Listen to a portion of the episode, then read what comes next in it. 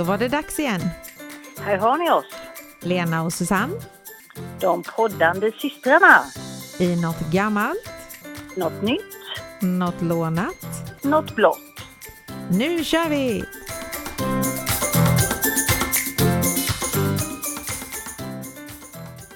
Hallå, hallå! Hallå, hallå! Hur är det i flyttstök och ångest och allt?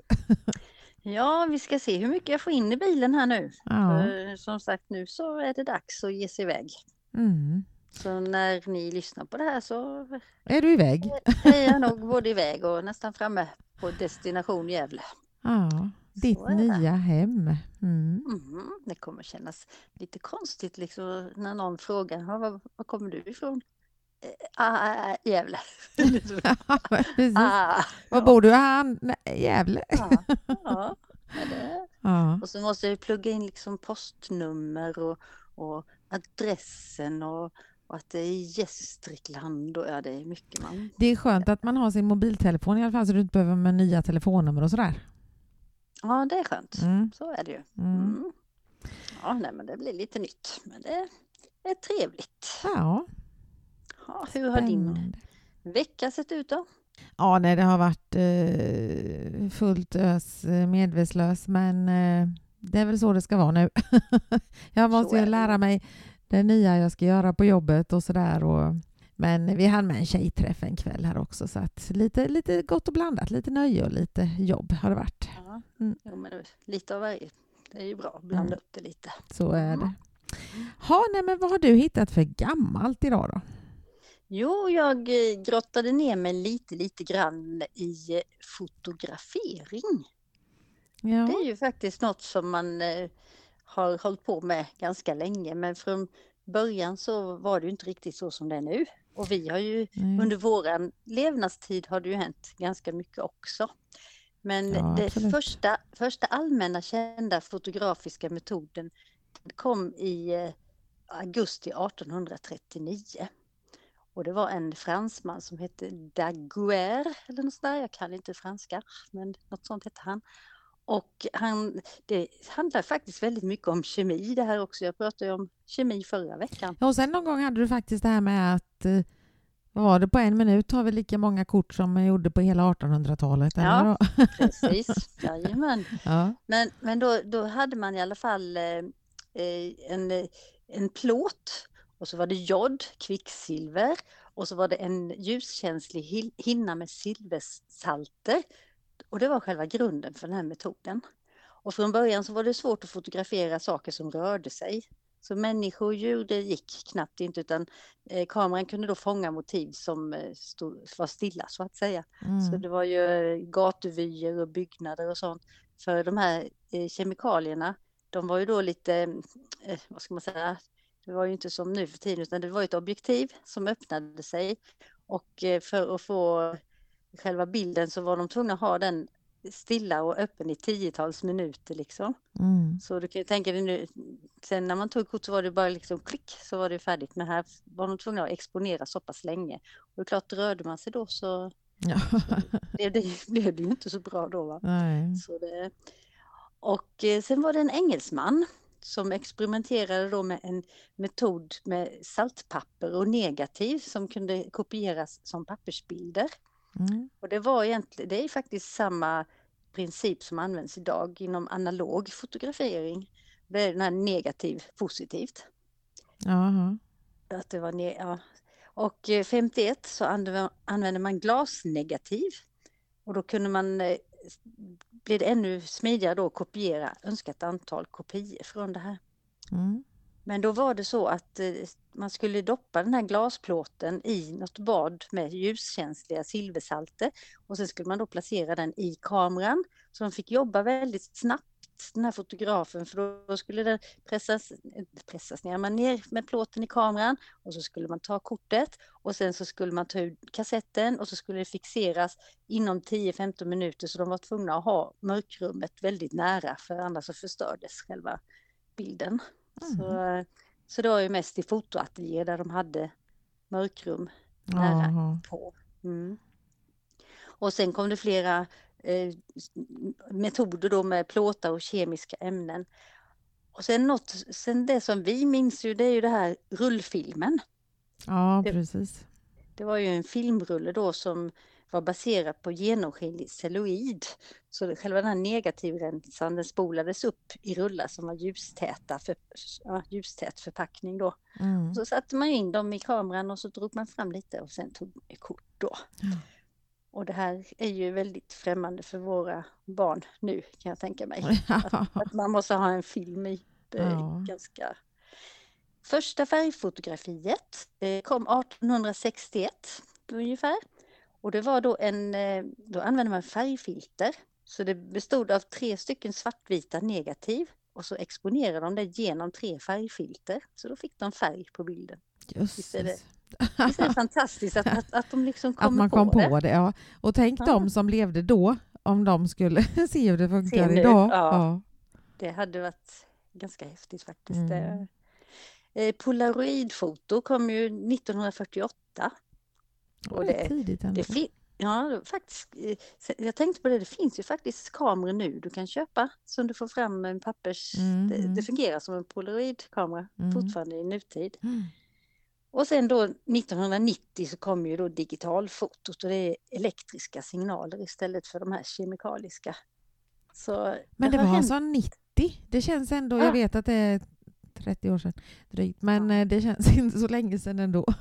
Nej, men det, det, det är ju en stund sedan Mm. när vi började tänka. Så Mm. det, och nu så kan man då som, som sagt ta hur många kort som helst utan att behöva skicka in dem och vänta en timme från fotoskick. Precis, och Eh. framförallt vilken kvalitet det är på bilderna. det är Ja. sjukt. Ja. I en liten, Ja. liten mobiltelefon liksom. Mm. Ja, liksom man, man tänker ju inte att, att hur avancerat det var förr. Nej, att få fram nej. en bild jämfört med nu då liksom. Mm. Det, så lite fascinerande faktiskt vad, vad det har hänt, vilken utveckling det har blivit Ja, verkligen. på det här med Mm. foton. Så det, jag gick ju på, vi hade ju sån här fritt valt arbete i skolan Ja. och då gick jag ju på foto och eh, eh, jag vet inte om ni såg det här fina fotot på mig, det svartvita fotot där jag satt i mina hängselbyxor som hade blivit sönderfrätta på fickan. Mm. Det kortet eh, framkallade jag i skolan när, när vi hade de här eh, foto, Jaha. fotolektionerna. Mm. Så då gick vi runt och fotograferade och sen fick vi då framkalla själva i mörkrum. Jaha. Och det var faktiskt jättekul att se liksom, man såg hur bilden kom fram där på pappret och Jaha. Jättehäftigt. Häftigt. Ja. Ja, men jag tror inte det är så många som håller på med sånt nu för tiden. Nej, förmodligen inte. Nej. Nej. Och likadant eh, eh, när jag jobbade på tidningen så hade vi ju någonting som heter reprokamera. Och då var det också en kamera som man då kunde eh, dra upp. Eh, om du hade ett, eh, en bild så kunde du dra upp den eller förminska och sådana här grejer. Ja, just Liksom, det. Mm. Nu, nu, har du datorn och liksom, ja. Mm. eh, Och en sån, en sån bild du tar i kameran kan du alltså göra ganska stor och ändå är det himla bra kvalitet. Liksom. Mm, Mm. Ja. Jo men eh, i, i mobilen är det ju väldigt bra kameror. Mm, Så mm. det, ja, så det var mitt gamla. Mm. Så nu så vill vi veta vad du har för nytt. Ja, det är ju inte många dagar kvar nu. Jag ska se exakt hur många dagar. Vad blir det? En vecka exakt faktiskt, idag. Mm. Så är det ju dags för årets julkalender. Ja, det stämmer. Mm. Mm. Så den har jag kikat in lite. Har du sett vad den heter, den nya? Eh, kronprinsen som försvann. Exakt. Eller? Mm. Ja, se, jo, jag har kikat lite med. Eh, Jag älskar ju adventskalendrar. Ja, och, Så- men det här verkar också vara en sån där som eh, den här Mirakel som vi älskade. Ja, det var ju. Ja, eh, den utspelar sig i 1700-talsmiljö och den handlar om den 12-årige prinsen Carl Wilhelm Gyllenkrona. Och efter att hans mamma, drottning Lovisa, då har försvunnit så anklagas han för att han har kidnappat henne. Och då prinsen tvingas då fly från slottet och träffar Hilda. Och det är en fattig flicka som hjälper sin farmor driva ett värdshus. Och Hilda hjälper då prinsen att gömma sig och dölja sin identitet genom att hon presenterar honom som barnhemsbarnet Ville. Och tillsammans får de då vara med om storslagna äventyr. Mm, ja, men det, det låter som att det kan bli bra. Mm. Och då är det eh, skådisar då, prinsen där, han heter Xavier Kankar Englund. Han är 12 år gammal och Hilda, hon heter Kerstin Lindén och är 14 år och hon var faktiskt med i Utvandrarna. Den har jag inte sett, den här nya filmen som kom. Den nya versionen av Utvandrarna. Där var hon i alla fall Lill-Märta. Jaha, nej, den har jag inte heller sett. Nej, och sen eh, farmor då spelas av Maria Lundqvist. Mm. Eh, Sally var ju hon också. Ja, ja, ja, just det. Sally, hon. Mm. Ja. Jag blev så här, mm, vem är det nu? Tänkte jag. Men, ja, Eh, och, i Svantesson. precis. och i övriga roller syns då eh, Sissela Kyle, Happy Jankell och eh, Dan Malmberg heter han. Och då trodde jag först Claes Malmberg tänkte jag på, men den här han bodde i Gävle och född 53 så att du kanske springer på honom någon gång. Ja, vem vet. Ja. Mm. Och regissör är Tord Danielsson och då tänkte jag att det kanske är Tage Danielssons släkting men det var det inte heller. Den här han bodde i Nyköping och är född 1980 så han var bara 42 år gammal. Mm. Så det är som sagt om en vecka så Då ska vi titta. Får vi kika. Mm. jag, jag, jag har ju varit mer intresserad av adventskalendern än vad mina barn har varit. I alla fall på senare år. Ja men de sista åren, och det är så smidigt tycker jag för att jag vet att jag, eh, när den här Mirakel, den var så himla bra, då kunde jag på Mm. morgonen när jag vaknade så eh, tog jag upp telefonen och tittade på det där för det är liksom bara en kvart också så det, Mm. man hinner ju med det. Ja, ja. Mm. Och man kan ju titta när det passar. Ja, det, är det som kunde man, det, det kunde man ju inte förr. Nej, så därför är det enklare att följa med den nu om den är bra eller man tycker att den är sådär då. Mm. Mm. Ja, nej men så, så det var mitt nya. Så då undrar jag vad du har för lånat idag? Jo, jag för många program, program eller vad ska jag kalla det, våra avsnitt, poddavsnitt så pratade jag ju om eh, små rosor på, nej små rosetter på trosorna. Mm. Men nu så har jag hittat en till sån där grej som man inte riktigt vetat varför. Det är nämligen så att på jeans, på nästan alla jeans så finns det en liten ficka som sitter vid insidan av framfickan. Ja, en myntficka, är det inte det? Ja, jag trodde faktiskt att det var en myntficka, men, eh, eller ja, något sånt. Mm. Men det är det faktiskt inte. För förr, förr i tiden var ju jeans då en byxa som arbetarna hade på sig. Och då behövde de den här lilla fickan för att ha sitt lilla fickur i. Så det är alltså för deras eh, klocka. De hade ju inte armbandsur utan de hade ju fickur. Mhm. Så då hade de den i den lilla, det måste varit en ganska liten eller så har de här fickorna blivit mindre med åren. Så det var faktiskt. Ja, för eh, den är ju inte så stor. Nej.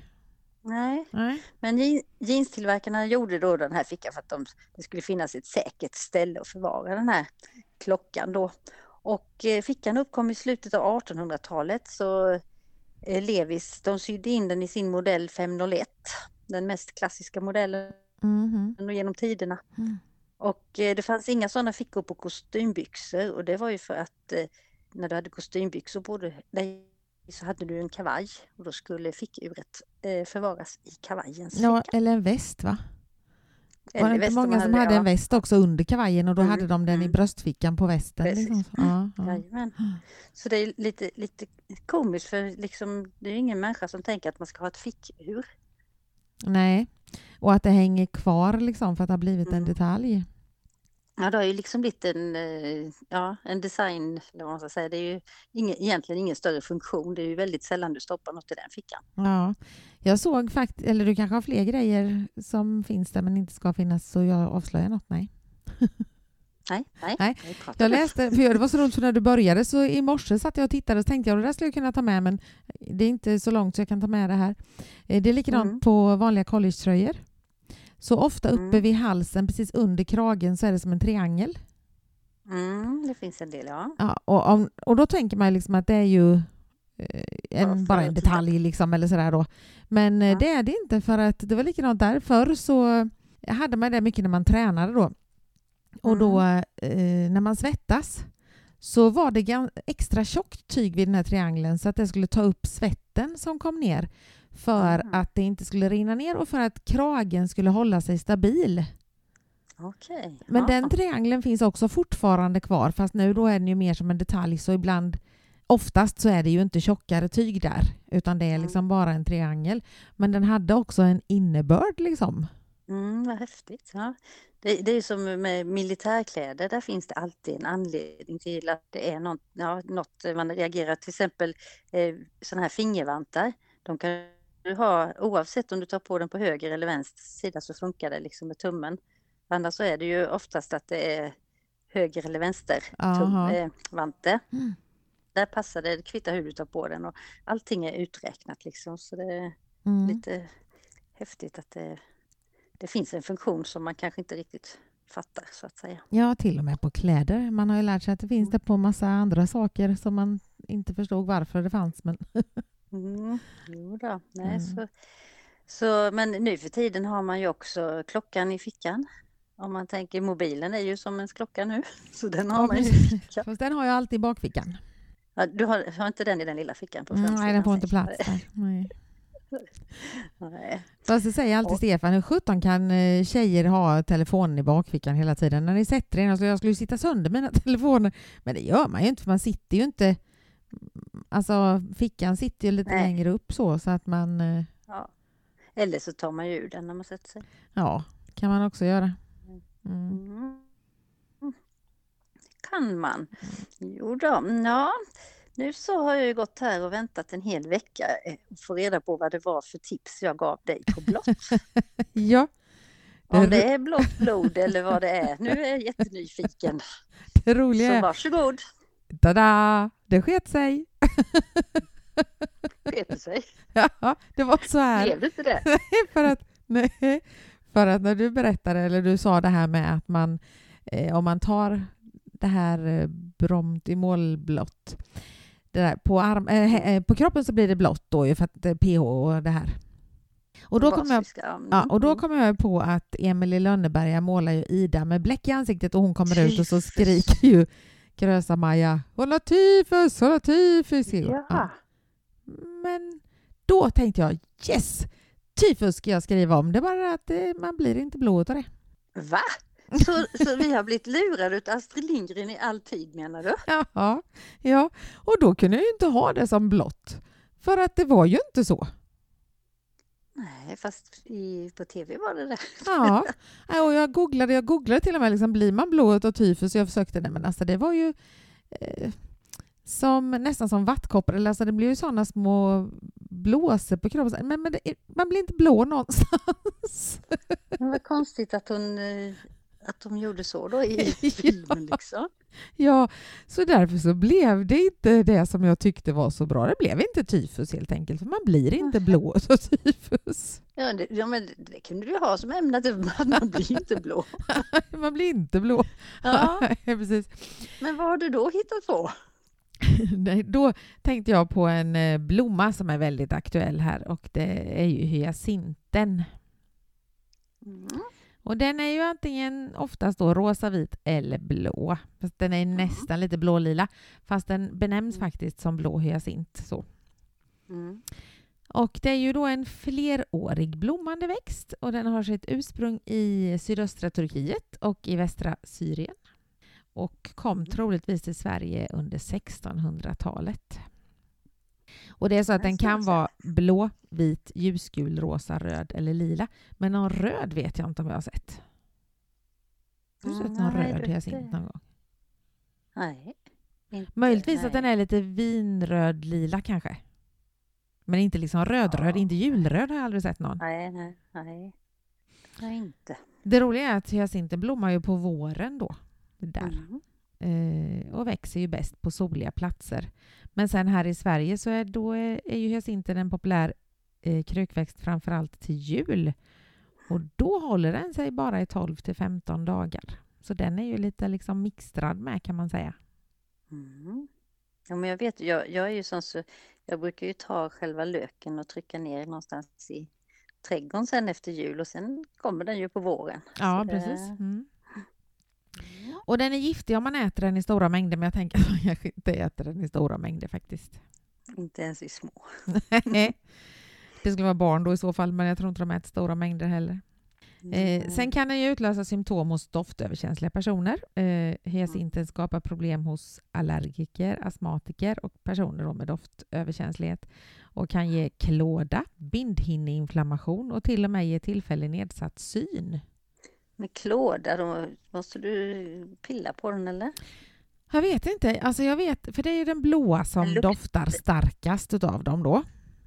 Jaha, det Mm. visste inte jag. Mm. Den vita doftar minst. Okej. Mm. Mm. Men eh, jag vet att just den här blåa, när eh, Jonas var liten, min äldste son, så eh, han har ju aldrig varit sjuk eller allergisk mot någonting egentligen, utan han har ju varit väldigt, väldigt frisk som barn eller så. Men eh, när vi hade hyacinter inne så blev han jättesjuk. Alltså jätte, jätteförkyld typ, liksom så, ja, för, att, eh, för ett starkt Mm. doft. Så när jag fick eh, blåa hyacinter så fick jag faktiskt slänga dem, för jag kunde inte ha dem inne när han var liten, för det var så starkt. Mm. Men att man skulle liksom få klåda av någonting som, utav lukten, det låter ju konstigt. Ja. För det tänker man att det är kontakt... Ja. Mm. ja. Mm. Eh, men vet du var hyacinten har fått sitt namn ifrån? Från en hya. Sint. Nej, En hya? hyena. Ja, något sånt. Precis. Nej. Eh, och det här var lite dråpligt tyckte jag faktiskt. Han har fått, den har fått sitt namn av den spartanske hjälten i grekisk mytologi som hette Hyakintos. Jaha, Mm. Kun- Kunta Kinte nästan, ja. Han var en jättevacker yngling som tilldrog sig Apollons och västanvindens Sefyros kärlek.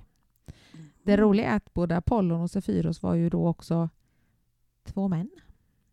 Jaha. Mm. Och det här var då redan i grekisk mytologi. Mm. Mm. Och då, det blev ett jättesvartsjuke-drama och då blåste Sefyrus på Apollons diskus som träffade Hyakintos så att han dog. Oj. Ja. Mm. Och sen dess så fick alla hyacinter heta. Då stod, Hyacint. ja, men då stod det så här, formen på blomman, det här det är jättekonstigt. Formen på blomman har sagts likna Apollons... Nej, nu vet jag vad du tänker Nej, på. så Nej, tänker den alls. Den liknar inte den. Men, den Det lik, var ju tur. nej, men däremot Apollons klagorop över den döde Hyakintos, nämligen AI. Men vad då likna blomma? Vadå form på AI? Det kanske var så som vi tänkte fast de vill inte skriva ut det. Det kan vara så. Det Ja. kan vara så, ja. Nu, kan jag, nu kommer jag inte kunna titta på en hyacint med, För att se- med, försöka se no- en likhet. med normala ögon. Nej, precis. Nu kommer jag analysera ja. formen på en hyacint. Möjligtvis Men, precis ja. när den kom. Ja, nej. Eh, men enligt den grekiska mytologin också då så, så skapade Apollon hyacintblomman nej, nej, ur Hyakintos blod. Ja, okej. Mm. Ja. Det tror vi inte riktigt på, men det var ju myt. Det var skaftet på Jag tänkte inte så när jag skrev det faktiskt, men det blev konstigt nu när jag skulle prata om det. Konstigt. Ja. Det måste vara något som ligger i luften. Ja, eller så är det ditt fel liksom, för jag har suttit och pratat med dig. Så. Ja, bara skyll på syster, yster. Nej, men Mm. så hyacinten har fått sitt namn av grekisk mytologi. Då. Hyakintos hette han ju då. Mm. Det är en väldigt vack, vacker blomma faktiskt. För egentligen är det ju massa småblommor ju. Ja, ja, den är jättevacker. Men sen så stod det någonting om det också, att det kan vara liksom 75 blommor på dem.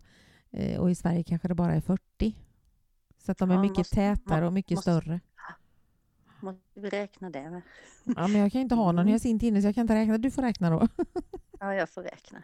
Jag brukar köpa några hyacinter och göra någon liten julgrupp sådär, för jag tycker de luktar gott. Ja, Mm. jo men det gör de. Men ta vita då. Ja, men jag tycker de blåa är finast. Blåa och vita är finast. Ja, det är de faktiskt. Mm. Men visst är det ändå lite konstigt att alltså, julen förknippar man ju med rött, så det är lite konstigt att hyacinten är en julblomma känner jag. Ja, faktiskt. Undrar när det började, liksom när man började ha den som julblomma. Ja. Ja, ja, den kom ju på 1600-talet stod det, men det är klart det är inte säkert att de hade den som julblomma då. Det vet vi inte. Nej, Nej. Julros, eller de, eh, heter den? De röda. Julstjärna. Julstjärna kan jag förstå, för den är ju röd oftast. Ja, det finns Ja, och amaryllisen, för den är också röd oftast. Mm. Den finns ju i andra färger med, men den är ju... Mm. Ja. Ja, men allt måste ju inte vara rött vid jul i och för sig. Men det, Nej. Ja. Mm. Så är det. Ja, nej, så min briljanta idé tyfus eh, sket sig som sagt, men det fick bli en blå hyacint istället. Men det var faktiskt lite intressant att få veta att vi har blivit lurade liksom hela livet. Precis. Sitter Astrid där uppe i himlen och skrattar åt oss nu. Ja, det Mm. gör hon nog. Det. Mm. Ja. Ja, ja. Nej, men du får ju köra så himla försiktigt till ditt eh, nya hem här nu. Jajamän, det ska jag. Mm. Det, det ska bli spännande. Mm. Och på söndag så ska jag få vara med om min allra första bockinvigning. Ja, just det. Elda inte Mm. upp den sen bara. Ja men det ska man väl eller? Nej, det är inget bra. Nej, jag ska inte elda upp den. Tänk vilket arbete och så, någon, och så ska de liksom envisas med att elda upp den. Ja, det är dumt. Mm. Ja, den är lite häftig. Så jag får väl ta lite kort så ni får se i, på, internet, eller på eh, Instagram där sen. Det får du göra. Mm. Ha det så jättegott så hörs vi om en vecka. Jajamän, det gör vi. Ja, hej då. Hej då!